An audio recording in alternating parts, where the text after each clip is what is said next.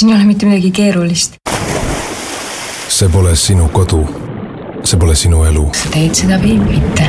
süütuna näib vale, millele järgneb teine, kolmas, neljas. Mirtel Pohla, Priit Võigemast ja teised uues Eesti mängufilmis Teesklejad kinodes üle Eesti kuuendast oktoobrist. kuku raadios välja öeldud seisukohad ei pea ühtima Kuku raadio seisukohtadega. Te kuulate Kuku raadiot eurominutid.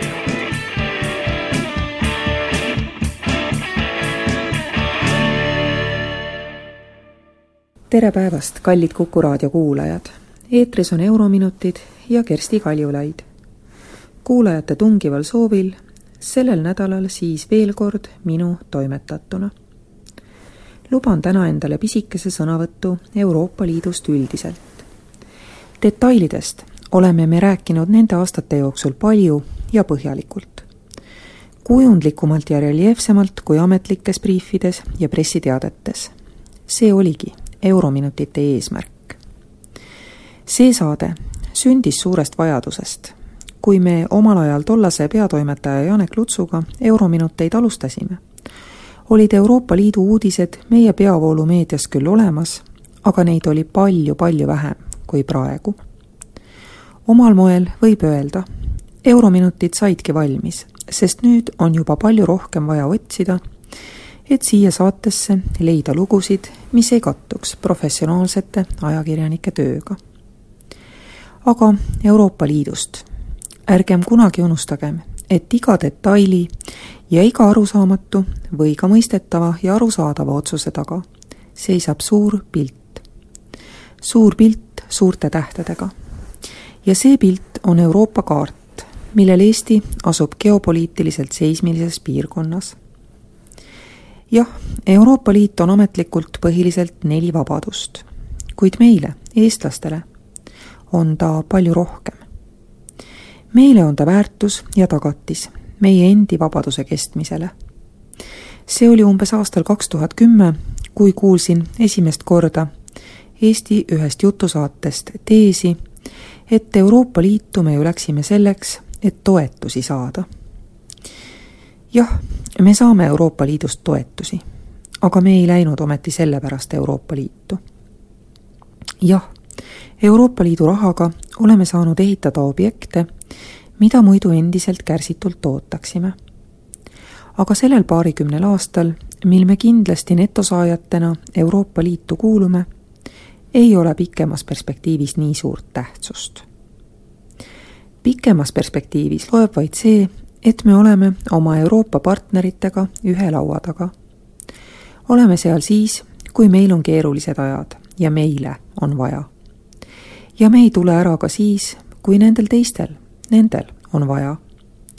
solidaarsus oma naabritega, turvaline koostööplatvorm kontinendi probleemide arutamiseks Need ei ole meie iseseisvusele sugugi väiksem tugi, kui on seda kaitsekoostöö läbi NATO. ärge seda, mu kallid kuulajad, mitte kunagi unustage. Te olete siit saatest kuulnud ja kuulete ka edaspidi meediast kriitikat paljude Euroopa Liiduga seotud aspektide suhtes. see ei tähenda tegelikult rohkemat kui meie igapäevast virisemist Eestimaa kehva ilma üle. nii ühel kui teisel juhul võtame midagi ette, et vähendada ebameeldivaid ja raskeid momente, kuid ei mõtle korrakski päriselt selja pööramisele. Euroopa Liit on väikestele riikidele ülioluline riikide koostöömudel, mille osas me ei tohi kunagi alla anda. tuleb alati otsida meie moodi mõtlevaid liitlasi ja hoida Euroopa Liitu sellel kursil, mis on meile sobilikum. Endasse tõmbuda ei tohi suletus euroopalikule vabale mõtteviisile ja suletus teiste Euroopa riikide probleemidele ei ole miski, mida me saaksime endale lubada. kui me tulnuksime Euroopa Liitu raha pärast, siis oleks varsti aeg minema hakata. Euroopa Liidu paksud ümbrikud liikmesriikidele ju kaovad teatud tulutaseme juures. aga me ei tulnud raha pärast. sellel ajal, kui ümbrikud kahanevad lisab iga liidus aktiivselt ja konstruktiivselt osaletud aasta killukese meie julgeoleku vundamenti juurde.